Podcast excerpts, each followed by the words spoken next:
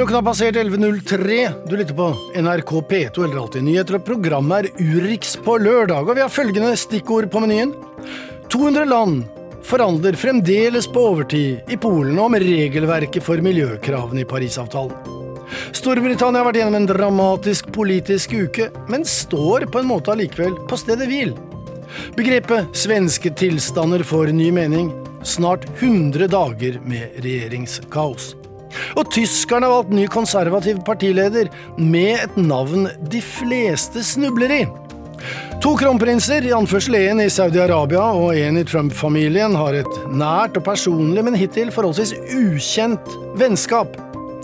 I USA har rasekonflikten i den gamle klassikeren 'Å drepe en sangfugl' vist seg å være skremmende aktuell, mens Argentina hangler videre. Uro og overraskelser før valget neste år. Korrespondentbrevet om ca. tre kvarter. Det er postlagt Moskva, der stikkordet er trafikk og bilkjøring. Dette er Urix på lørdag. Also looking at are there other things we can grow, some shift in, in production perhaps, but not necessarily overly committed to that. But what are the new things we might be able to grow as the climate changes that also will um, reduce carbon emissions? We're looking at um, the new government put in a billion trees, uh, a goal to plant a billion trees. In Her hører vi altså um, 10 Katie. Milne. Hun So er leder for Bondelaget i New um, Zealand og representerer farmland will be Oceania på for that, and how we klimakonferansen i Katowice i Polen. Hun minner om at forhandlingene, som fremdeles pågår på overtid, ikke bare er et diplomatisk og politisk spill. Det dreier seg om oss, om avlinger og matsikkerhet, om jordbruk og livsgrunnlag. Og vår reporter i Katowice, Eivind Molde, det er du som har snakket med henne. Og er det tilsvarende frustrasjon å spore blant de som representerer, la oss kalle det virkeligheten da, på grasrota der i Polen? Ja, så absolutt. Eh, Det er mange av de som er på plass eh, her i Katowice og følger med på det som skjer. Og er selvsagt veldig frustrert over at det skal være så vanskelig å få eh, dette til. De som merker dette på kroppen, de er ekstra utålmodige og er bastante i sine krav til de som nå er inne i forskjellige små møterom rundt omkring her og skal prøve å finne ut av dette. Men du, det går jo ikke akkurat på skinner, for å si det mildt, i forhandlingene, da. Hva er det som gjenstår nå, som jo burde vært avsluttet i går kveld? Ja, Det er altså alle disse detaljene eh, som er problemet her. Når, når en skal lage et regelverk som skal gjelde for alle land, eh, så, så blir det vanskelig når, når detaljene skal inn, og når landene liksom må forplikte seg til å følge et regelverk. eh, Så er det liksom noe nytt for de aller fleste, dette. og det er nettopp som er problemet, å få brikkene til å falle på plass og bli, eh, bli klar. Det er altså 144 sider klar, en tekst som kom på torsdag. Den skulle vært gjennomgått på et plenumsmøte klokka fire i natt. Eh, Det ble utsatt til klokka ti. Eh, Nå er det utsatt til klokka tolv. Eh, Jeg står utenfor plenumssalen, og akkurat nå gikk den kinesiske forhandlingslederen forbi, og jeg spurte han om det skjer noe nytt, og han bare rista på hodet og gikk videre. og så Dette kan ennå ta en god stund. Men kort til slutt, Eivind Molde. Mange av disse detaljene de er jo like gamle som miljøbevegelsen selv, bl.a. dette med finansiering og fordeling av ansvar mellom fattige og rike land. Eh, Det er merkelig at man da ikke har på en måte en slags eh, mal for den slags.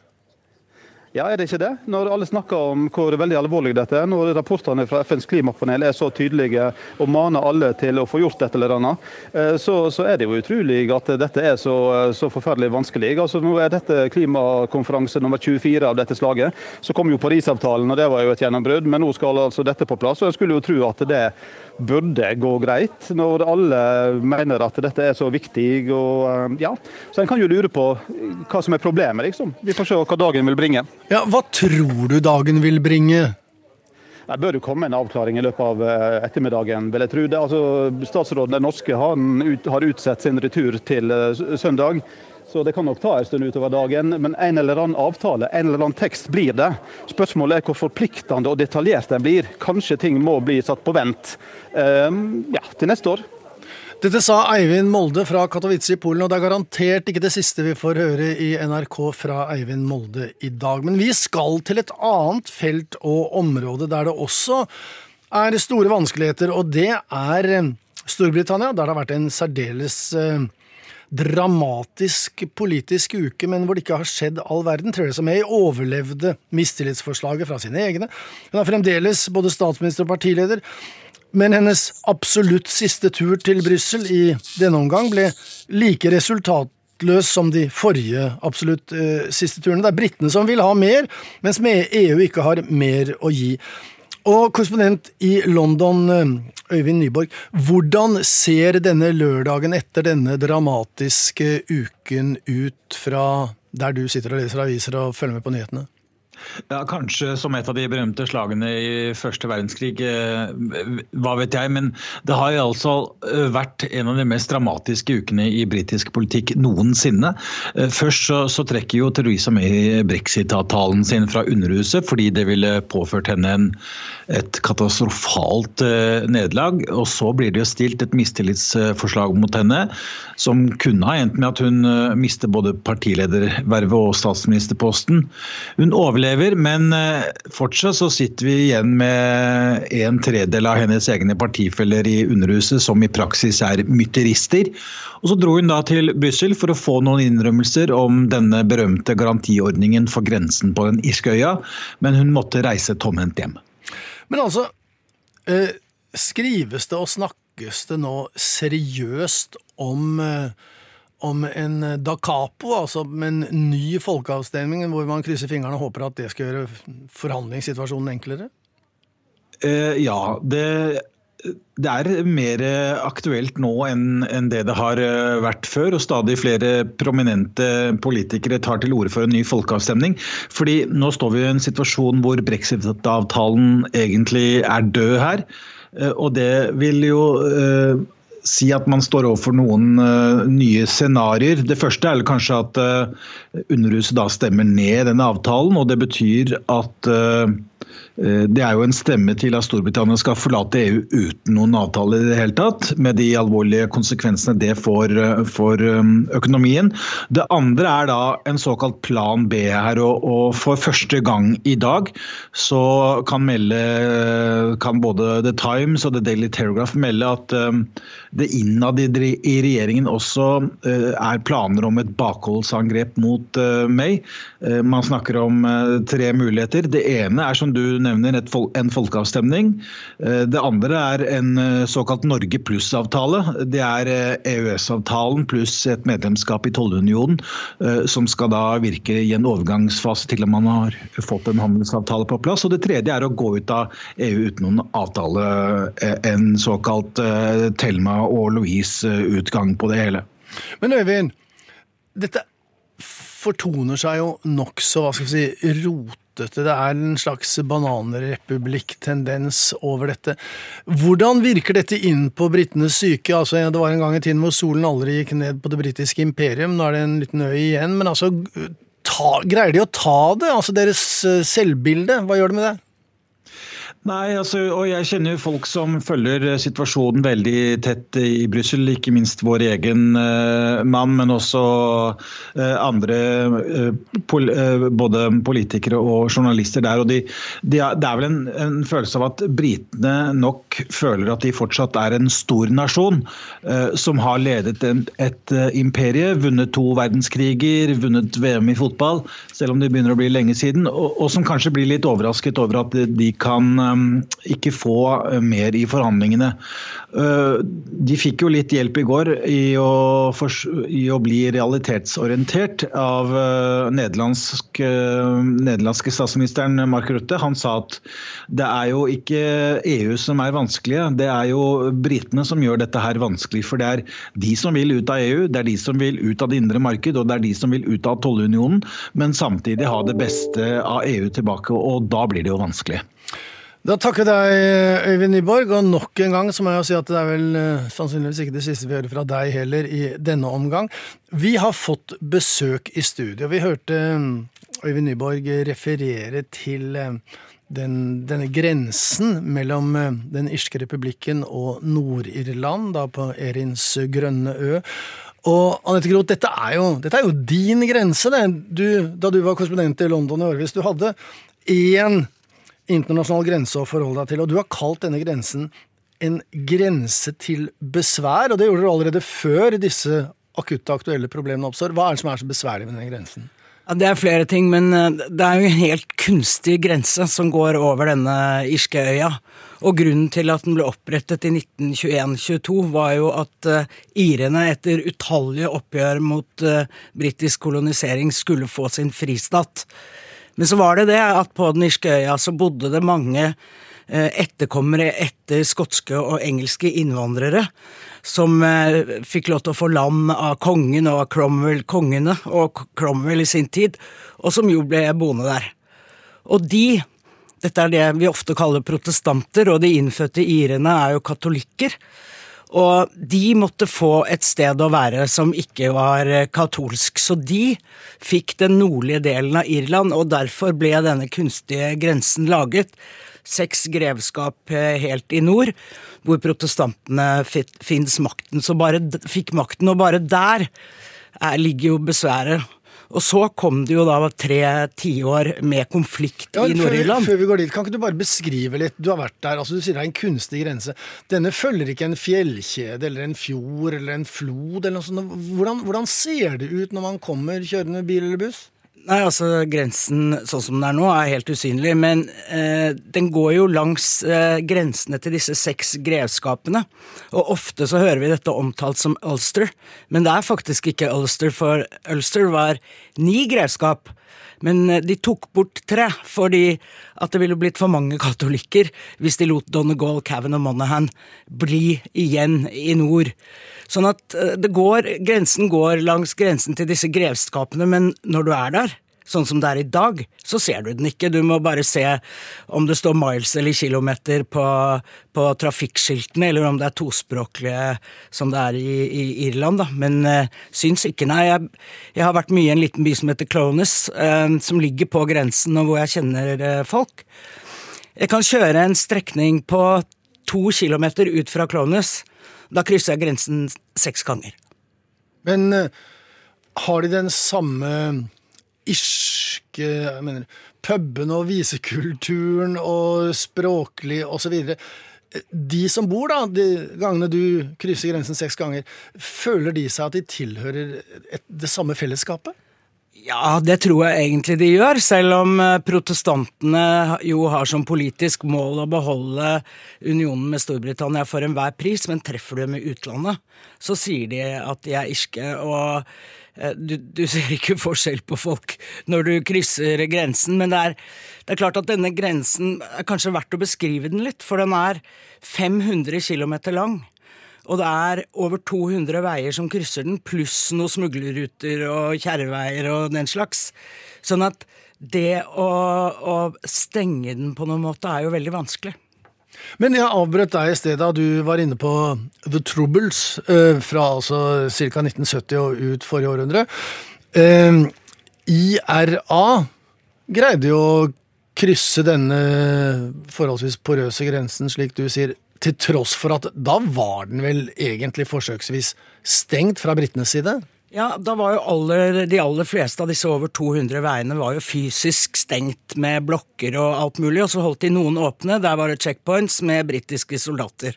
Jeg har jo selv reist frem og tilbake over disse mange ganger, så det var en krigssituasjon.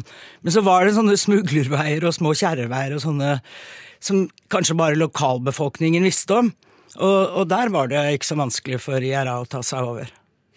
Men hvordan ser du da på det aktuelle besværet? Du sier at, eh, at man hadde jo stengt den, men den var ikke stengt allikevel. Altså Lokalbefolkningen vil jo fremdeles kjenne disse kjerreveiene. Dette skal nå bli EUs yttergrense. Eh, I hvilken grad tror du at det er mulig å gjøre det uten å bygge en Trump-mur langs uh, ja, Kanskje ikke en Trump-mur, men eh, det er klart at å bygge fysiske installasjoner langs her, det er, det er ikke mulig. Og, og, de er jo redde for at konflikten skal blusse opp igjen også. Det er jo nettopp derfor dette spørsmålet om irskegrensen kommer opp og biter dem i halen hele tiden fordi at det er uløselig. Det de har løst det med nå, er i Mays forslag, da. Det er at de lar Storbritannia bli tollunionen, men det er det jo mange som er rasende for. De som vil ha ordentlig brexit, har brexit. Uh, og så sier de at det er midlertidig, men hvem skal bestemme når det skal oppheves, og hva skjer da? Så dette er uh, en god gammeldags gordisk knute som man ikke får løst opp, men som må hugges over. Det er vel da for tredje gang på et kvarter nødvendig å si at dette får vi sannsynligvis høre mer om. Hjertelig tusen takk til deg, tidligere kollega Anette Groth.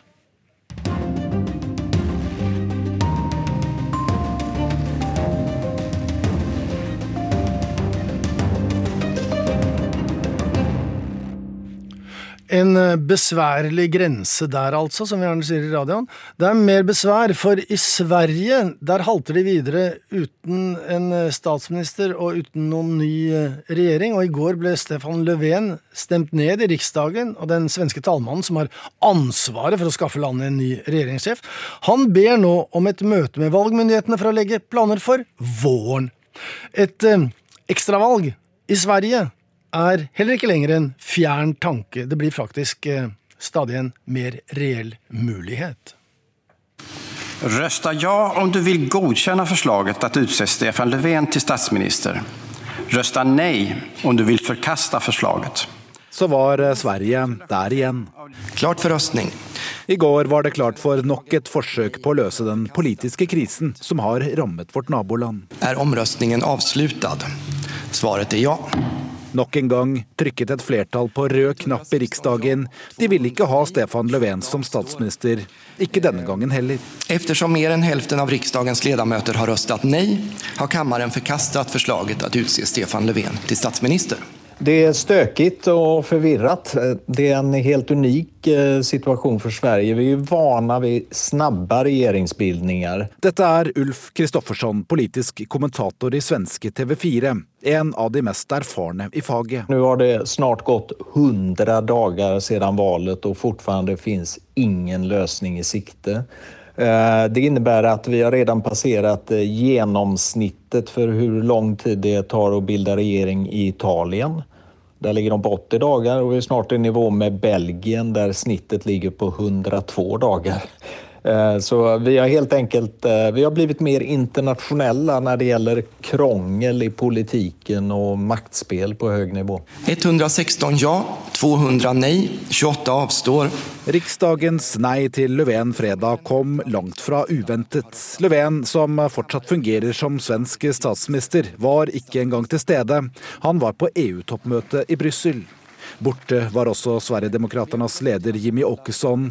Hans ferietur til Thailand viste tydelig at eh, ingen så på dette som et avgjørende øyeblikk. Dessverre så måtte jeg konstatere at resultaten ikke holder for et samarbeid. Årsaken var Annie Løvs tydelige beskjed til Stefan Löfven mandag denne uken. Etter å ha sittet i forhandlinger om et regjeringssamarbeid dag og natt gjennom flere døgn, satte Senterpartiet, noe overraskende, foten ned for et sentrum-venstre-prosjekt som ville gjort Löfven til statsminister. Jeg er genuint besviken over at Socialdemokraterna ikke tok denne historiske sjansen. Eh, til samarbeid over blokkgrensen. Det har som sagt nå snart gått 100 dager. 100 dager siden svenskene gikk til valg og stemte frem en riksdag som ikke kan enes om en statsminister. Tre partiledere har sondert muligheten for å danne regjering. Både Stefan Löfven og Moderaternas Ulf Kristersson har blitt stemt ned av Riksdagen hver sin gang. Kristersson fikk til og med nei fra sine alliansepartnere, Senterpartiet og Liberalerna. Bare en spørsmål til. Löfven sa at Det har vært mye prat og lite resultat, og en hel haug med pressekonferanser for Sveriges politiske journalister. Ja, det har vært spennende, og samtidig har det jo vært et ganske svårt eh, og trøttsomt arbeid. Det har gått åt veldig mye kaffe, om man sier så. Eh, jeg har fulgt 70 eh, presstreffer om regjeringsbildningen Eh, pluss alle timene vi hekket utenfor partienes møter fra tidlig morgen til sen kveld. Fortsatt må Riksdagen si nei i to statsministeravstemninger til før det automatisk blir nyvalg i Sverige. Talmann Andreas Norlén har gang på gang uttalt at det er absolutt siste utvei. Det har vært et mislykkende at eh, etter et eh, valg i september med høyt valgdeltakende eh, bland det høyeste i den demokratiske verden, eh, gå til velgerne og si at vi klarte ikke av å forvalte det resultatet de ga oss, den riksdagen de gav oss. Derfor er det interessant å merke seg talmannens pressemelding etter avstemningen i Riksdagen fredag. Norlén mener partiene nå bringer Sverige nærmere et nyvalg, og han ser seg nødt til å be om et møte med de svenske valgmyndighetene, samtidig som han tenker på hva som skal være neste steg. Det finnes to veier nå. Altså, antingen så går vi mot et ekstravalg om ytterligere to omrøstninger mislykkes, eh, eller kommer Ulf Kristersson at Eh, velges til statsminister, at man gjør et nytt forsøk med honom. Sier Ulf Kristoffersson, kommentatoren fra svensk TV 4. Og at det luter åt Ulf Kristersson, det er jo at eh, jeg tror at Senterpartiet og Liberalerna før eller senere tvinges omprøve sin holdning. Lederen for Moderaterna, Norske Høyres søsterparti, sier han er klar hvis talmannen ringer. Altså, jeg kommer være redo den dagen talmannen ber meg være redo. Jeg har sagt at de forslag som jeg la fram på bordet for å bilde en borgerlig regjering, så mye borgerlig politikk som mulig, de står kvar. Mm. Eh, Nå prøvdes det for noen uker siden og røstes den gangen ned. og Even da sa jeg at eh, jeg står kvar med mitt erbjudande om kammaren og riksdagen vil prøve en gang til. Og Reporter her var Peter Auli Hauge. Vi skal til Tyskland. Det er nemlig gått nå en slags uke siden Tysklands største parti, Kristeligdemokratene, fikk ny partileder. Vedkommende tar over etter Angela Merkel og kan bli Tysklands neste forbundskansler etter valget i 2021. Og med det også muligens da verdens mektigste kvinner, som, kvinne som jo forgjengeren har vært. Men så var det dette med navnet hennes og det å uttale det, da. Annegret Kramp-Karrenbauer. Annegret Kramp-Karrenbauer. Annegret Kramp-Karrenbauer. Karrenbauer. No, I didn't really get it. Annegret Kramp-Karrenbauer. Det har vært ei uke med krøll på tunga for oss utenlandskorrespondenter som jobber med å formidle tysk politikk hjem. Annegret Kramp-Karrenbauer. Annegret Kramp-Karrenbauer. Annegret Kramp-Karrenbauer. Annegret Kramp-Karrenbauer. Det kunne ha vært Jens Spahn eller Friedrich Merz som hadde blitt valgt som ny partileder for de tyske kristeligdemokratene under landsmøtet i Hamburg forrige fredag. Men istedenfor så ble det altså Annegret Kramp-Karrenbauer. You did a great job pronouncing her name, Annegret Kramp-Karrenbauer. Annegret Kramp-Karrenbauer. Annegret Kramp-Karrenbauer. Annegret Kramp-Karrenbauer. Utenlandske journalisters slit med å uttale navnet på hun som nå tar over partiledervervet etter Angela Merkel, har ikke gått tyskerne hus forbi. Avisartikler om tema og videopotpurrier av utenlandske direkterapporter er til nå sett flere hundre tusen ganger på sosiale medier, og latterfjesene hagler. Men blant kommentarene er det også mange tyskere som sier de har full forståelse for tungetvisten. De sliter nemlig med uttalen selv, noe en liten tur i Berlin viser. Annegret Kramp-Karrenbauer. Kramp-Karrenbauer oder wie. Durch dieses Kr, Kr, das, das, das kann man schwer aussprechen. Das Annegret Kramp-Karrenbauer? Kann das Nochmal? sagen? Annegret Kramp-Karrenbauer? Ist das auch schwierig für Deutschen zu sagen? Ja, es ist sehr schwierig. Karrenbauer ist ein Doppelnachname, wahrscheinlich eingeheiratet. Es ist wirklich gar nicht so einfach zu sprechen. Annegret Kramp-Karrenbauer. AKK kort. Løsningen er altså å bruke initialene hennes AKK, på tysk AKK. Og AKK selv skulle nok helst ha sett at det var hennes politiske visjoner, og ikke navnet, som tok oppmerksomheten. Jeg har viel gelesen, was ich bin und wie ich bin. Mini. En Kopie. Eksempel, som hun sa i talen under landsmøtet, at hun ikke liker stempelet hun har fått som Mini-Merkel, selv om hun var den av partilederkandidatene som var nærest alliert Merkel, og også den Merkel hadde mest lyst til at skulle ta over jobben etter henne. Og at hun ønsker å samle partiet etter intern uro og verne om familieverdiene. Liebe Freundinnen und Freunde, für mich gibt es keine konservative und liberale Union. Keine, die wirtschaftsfreundlich oder arbeitnehmerfreundlich ist. Keine im Osten und keine im Westen. Für mich gibt es nur die eine Union, die CDU. Das ist unsere Familie. Das war so und das muss auch bleiben. Vor allen Dingen nach dem heutigen Tag. Så det er bare å henge i og øve seg på navneuttalen, både for tyskere og for oss utenlandske journalister. For hun med det vanskelige navnet kan både bli Tysklands neste forbundskansler etter valget i 2021, og kanskje også som sin forgjenger verdens mektigste kvinne etter hvert. Og hun heter altså Annegret Kramp-Karrenbauer. Annegret Kramp-Karrenbauer. Annegret Kramp-Karrenbauer. Annegret Kramp-Karrenbauer. Og reporter her var korrespondent Guri Nordstrøm.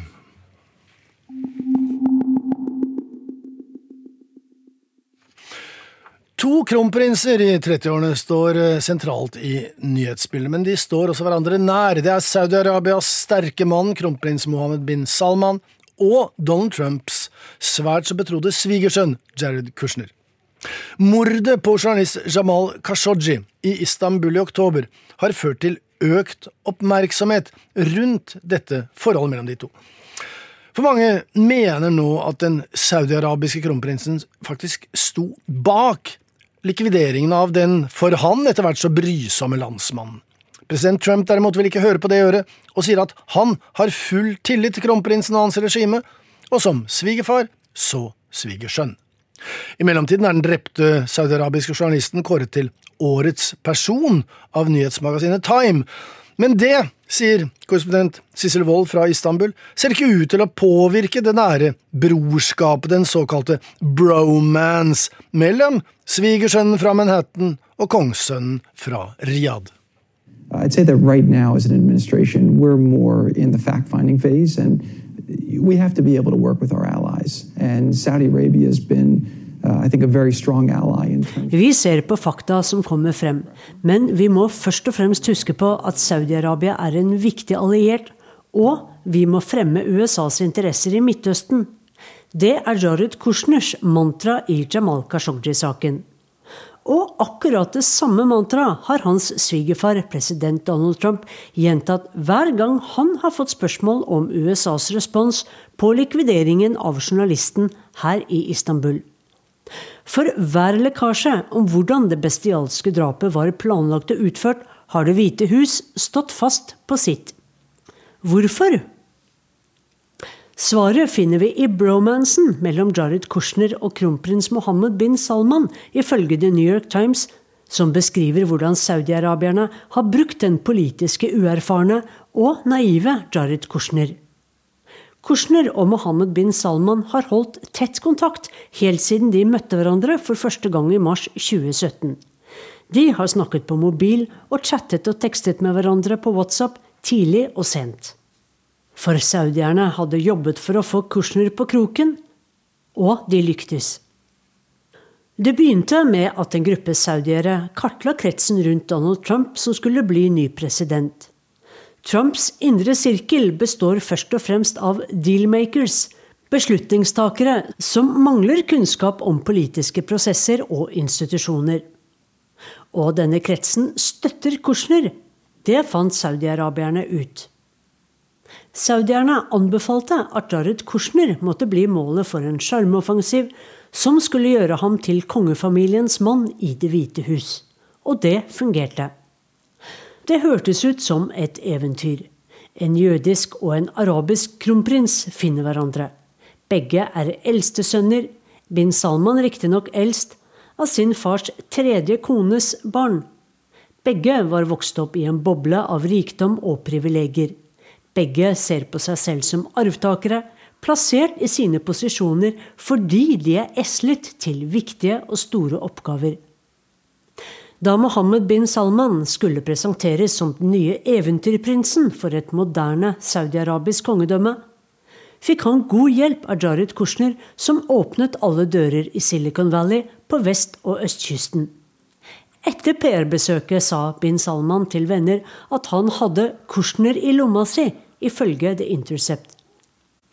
Da en snøstorm forhindret Tysklands Angela Merkel i å komme til en lunsj i Det hvite hus i mars 2017, byttet Kushner om på bordkortene og inviterte i stedet Mohammed bin Salman til den private lunsjen med presidenten. Bordet var jo allerede dekket. Fra da av har kronprinsen og Kushner holdt tett kontakt, og det har gitt resultater. Den da ferske president Trump valgte, noe overraskende, Saudi-Arabia som målet for sitt første utenlandsbesøk. Saudierne lovet å kjøpe militært utstyr fra USA for 50 milliarder dollar, samt investere 200 milliarder i USA. Men så, 2. oktober, forsvant Washington Post-skribenten Jamal Khashoggi i konsulatet i Istanbul. Saudierne løy og endret forklaring på hva som hadde skjedd med ham, flere ganger. Mens resten av den vestlige verden reagerte med avsky, også flere republikanere, fungerte Trump som Saudi-Arabias PR-agent, ifølge en partifelle. Kushner holdt nær kontakt med Mohammed bin Salman i dagene etter at Khashoggi ble tatt av dage, for å gi kronprinsen råd om hvordan han kunne ri stormen av. Men ville presidentens svigersønn hjelpe kronprinsen med å dekke over et bestillingsdrap? Flere rådgivere, både i Pentagon og State Department, reagerte på den personlige og uoffisielle kontakten mellom de to, fordi de så risikoen for at saudierne bruker og utnytter Jared Kushner. For maktforholdet mellom de to 30-åringene er ujevnt. Mens Kushner er i sin posisjon fordi han tilfeldigvis er gift med Trumps yndlingsdatter Ivanka, har alle presidentperioder en slutt i USA. Kushner er som Trump ute av maktens korridorer i 2021 eller senest i 2025. Kronprins Mohammed bin Salman derimot kan bli sittende like lenge som den 83 år gamle faren sin, altså helt til år 2070. Mens kronprinsen har vist seg som en skruppelløs og farlig politiker som aldri blir stilt til ansvar, har Kushner sine begrensninger. Det er ikke ofte vi hører Jared Kushners stemme, til tross for at svigerfar har gitt ham så mye makt. Men han gjorde et unntak 22.10. CNN-kommentator Van Jones spurte Kushner om hvilke råd han har gitt president Trump i Khashoggi-saken. Uh, so, uh, the advice I've given the president in this situation, like in all other situations, uh, will stay between me. Det blir mellom meg og presidenten, svarte svigersønnen.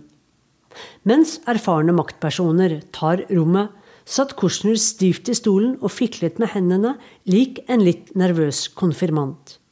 Og hvilke råd har du gitt MBS, ville Jones vite. What kind of advice have you given MBS in this whole situation?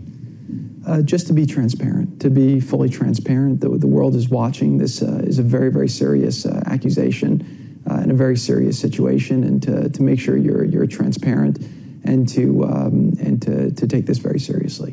Å være åpen og ta dette på alvor, svarte Kushner. Fremdeles gjentar både Kushner og Donald Trump at USAs strategiske bånd med Saudi-Arabia er det aller viktigste. Og det er akkurat det saudi-arabierne ønsker å høre. De vil ikke ha noe mer bråk med Khashoggi-saken. Men nå kan det bli slutt på denne politiske bromansen. For etter at demokratene fikk flertall i Representantenes hus, vil de at Saudi-Arabia skal betale en pris for drapet. Saudierne kan miste sin påvirkningsagent i Det hvite hus.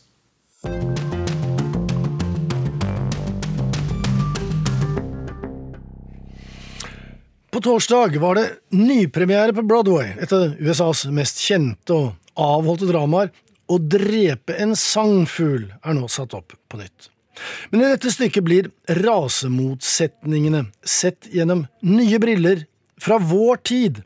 Karakterene er justert, språket er annerledes, og holdningene i dag er helt forskjellige fra det de var på 1930-tallet, da forfatteren Harper Lee vokste opp. Mrs. Dubose lived alone except for a Negro girl in constant attendance. Two doors up the street from us in a house with steep front steps and a dog trot hall. Det er forfatteren selv, Harper Lee, vi hører. Da boken To Kill a Mockingbird kom i 1960, så var den en sensasjon. Debutanten ble verdensberømt og prisbelønnet. Den ble filmet, og Gregory Peck fikk Oscar for beste mannlige hovedrolle i 1962 for sin tolkning av Atticus Finch. You please catch it with your left hand. I can't, sir. Why can't you? I can't use my left hand at all. I got it caught in a cotton gin when I was 12 years old. All my muscles were tore loose.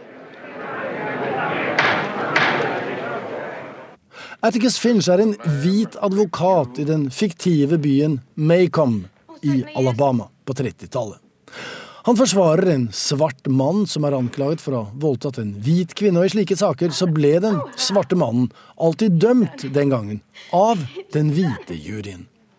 Men Atticus klarte i dette tilfellet å bevise at tiltalte ikke kunne ha begått ugjerningen slik offeret beskrev den, da Tom var lam i venstre arm.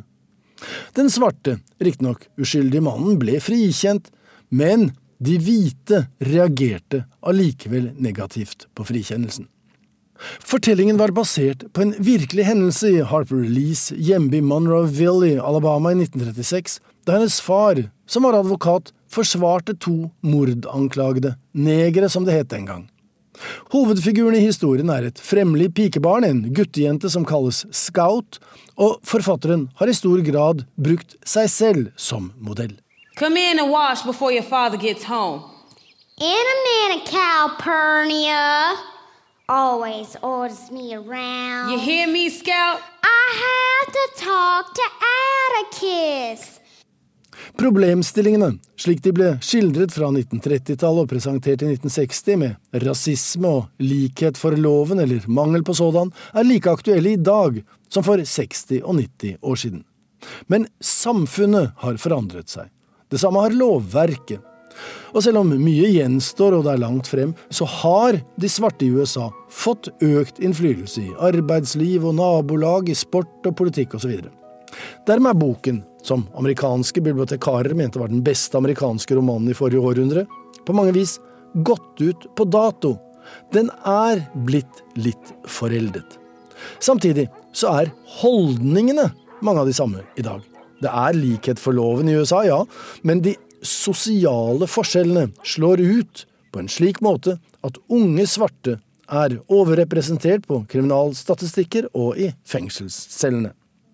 Derfor har Aaron Sorkin gjort store endringer og flyttet den grunnleggende problemstillingen i Mockingbird til vår tid. I likhet med Atticus så er det mange, mener han, i USA som de siste årene har følt stor uro, og de vet ikke hvem de kan stole på, og hva som skjer. Atticus sort of wakes up to the fact that he didn't really know who his friends and neighbors were. Yeah. Uh, and uh, I think that a lot of us, anywhere on the ideological spectrum, have felt the same way uh, for the last two years. That we kind of woke up saying, I had no idea uh, that they, whoever they is uh, for you, felt that way. Aaron Sorkin er en megastjerne i USA. Som produsent og regissør, tilrettelegger og forfatter står han bak en rekke suksesser som bl.a. West Wing og The Newsroom, der Jeff Daniels spilte hovedrollen. Nå har han tatt med seg Jeff Daniels til Schubert-teatret på Broadway, der Daniels spiller Atticus. Men Sorkin har en moderne form og en urban stil som har bekymret rettighetshaverne, altså de som ivaretar nå avdøde Harper Release interesser og vokter over tekst og innhold.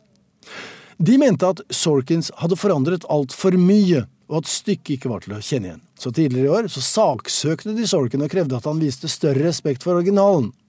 Men Sorkin på sin side, han hevdet at det var jo nettopp av respekt for stykkets sjel og stykkets posisjon i amerikansk kultur at han hadde endret såpass mye da han følte at han måtte fornye det for at det i det hele tatt fortsatt skulle kunne være aktuelt. Well, To Kill a Mockingbird is one of the most beloved novels uh, uh, in American literature. In fact, last month, uh, PBS viewers uh, voted it the most beloved novel. Partene kom til enighet. Sorkin droppet noen scener der Atticus banner for ofte og drikker litt for mye alkohol, og saksøkerne firte på enkelte av sine krav. Så den versjonen som publikum nå har anledning til å se i New York, er på mange måter et helt nytt stykke, men basert på det beste og de mest sentrale verdiene i den opprinnelige Mockingbird-fortellingen. Samtidig er den klassiske romanen blitt hyperaktuell med inspirasjon fra og referanser til nyhetsbildet, med Black Lives Matter, Michael Brown som ble skutt av politiet i Ferguson, og ikke minst de rasistiske opptøyene med motdemonstrasjoner i Charlottesville, og presidentens kommentarer om at det er gode folk på begge sider. you also had people that were very fine people on both sides.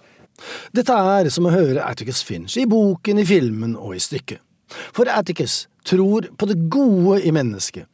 Det er bra folk, sier han forståelsesfullt, selv når Ku Klux Klan dukker opp. Og det er den type uttalelser, der han tolererer det intolerante, som har ført til at enkelte mener at boken ikke bør leses lenger, og at stykket heller ikke bør settes opp i sin opprinnelige form. Og det er nettopp den type uttalelser president Trump kommer med, og som gjør stykket høyaktuelt, her ifølge en paneldeltaker i The View. What's striking when you're watching the play is how relevant the story feels in 2018.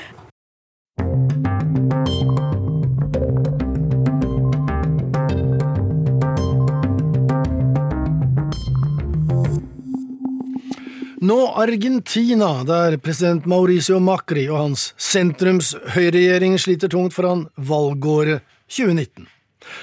Flere målinger den siste tiden viser at venstre-peronisten Christina Kirchner har større oppslutning blant velgerne, og mange investorer frykter nå at reformpolitikken, som da Macri har stått for og som de har satset penger på, skal mislykkes. Arnt Stefansen har sendt oss denne reportasjen. Siempre voy a estar junto a ustedes. Mange har sverget på at det var umulig. Men nye målinger viser at den høyst omstridte og korrupsjonsmistenkte ekspresidenten Christina Kirchner i høyeste grad er å regne med foran presidentvalget i Argentina neste høst. Creo que lo importante Hun ble innvalgt i Senatet ved fjorårets mellomvalg, noe som sikret immunitet mot de alvorlige anklagene om svindel og korrupsjon. Saker som har ført til fengsling av hennes tidligere visepresident og økonomiminister. Nå satser hun på at hennes nye parti, Den forente folkefronten, skal bringe henne tilbake til makten. Hombres y mujeres de carne y hueso. Y de eso se trata. Det handler om vanlige mennesker, sier Kristina Kirchner. Det er for dem vi har dannet Den forente folkefronten, og det er for dem vi vil kjempe. Mot nyliberalismen og denne regjeringens urettferdige politikk, sier den tidligere presidenten. Og på fire ulike målinger de siste par ukene har Kirchner en knapp ledelse til den sittende presidenten. Este gobierno, este gobierno legítimo, ampliador, puso en marcha De siste månedene har vært bratt motbakke for Mauricio Macri, sentrum-høyre-politikeren som har ledet Argentina de siste tre årene. Hans reformpolitikk blir av mange ansett som helt nødvendig for å gi landet en bærekraftig økonomi, men den er svært omstridt i den fattige delen av befolkningen. Macri er ikke overrasket over støtten til Kristina Kirchner. Es lógico que ella tenga una cantidad de gente que fue beneficiada Det er logisk at hun støttes av alle dem som levde av offentlige midler, midler som skulle vært brukt til å investere i landets fremtid, sier president Mauricio Macri. Og han nevner som eksempel den omfattende subsidieringen av vann og elektrisitet. Det vi sliter med nå, er å betale de enorme regningene som Kirchner-regjeringen etterlot seg, sier han. Yo, Mauricio Macri, juro por Dios nuestro Señor Og argentinerne har vært tålmodige med Macris reformer.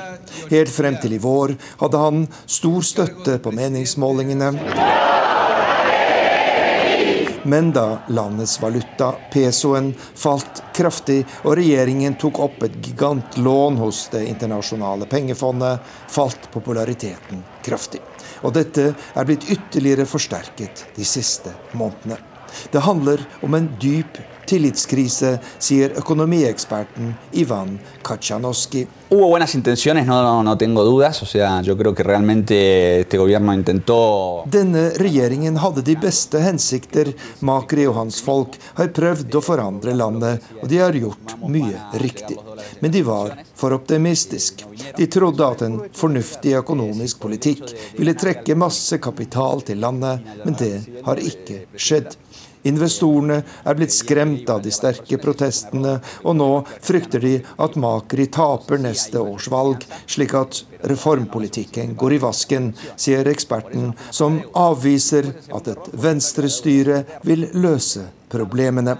El gasto público en Argentina es 45%, el de Perú es 18%, el de Chile es 22%. De offentlige utgiftene i Argentina ligger på 45% av brutto nasjonalprodukt. I Peru er de på 18% og i Chile 22 Skattene i andre land i regionen er også vesentlig lavere enn i Argentina.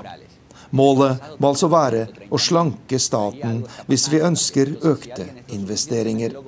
Kristina Kirchners politikk var det motsatte, og kommer hun tilbake som president, vil problemet øke ytterligere, sier økonomen Ivan Katsjanowski. En inflasjon på 45 økt arbeidsledighet, fallende kjøpekraft og en halvering av pesoen i 2018. Det er noen av tallene som forklarer at reformpresidenten Mauricio Macri går inn i et særdeles krevende valgår i Argentina.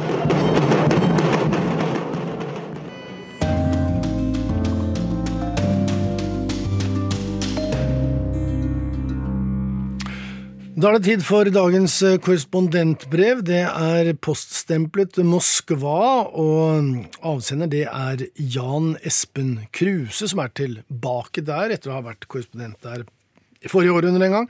Og stikkord for eh, dette brevet, det er fartsbøter og trafikkregler. Vet du hva som nettopp hendte meg, forteller Vladimir, en av mine bekjente her i Moskva med opprørt stemme. Det er tydelig at det er noe dramatisk, for han er vanligvis en sindig og rolig fyr. Det som skjedde var kjempeurettferdig. Tenk, jeg fikk en bot for å ha kjørt to kilometer for fort, fortsatte han.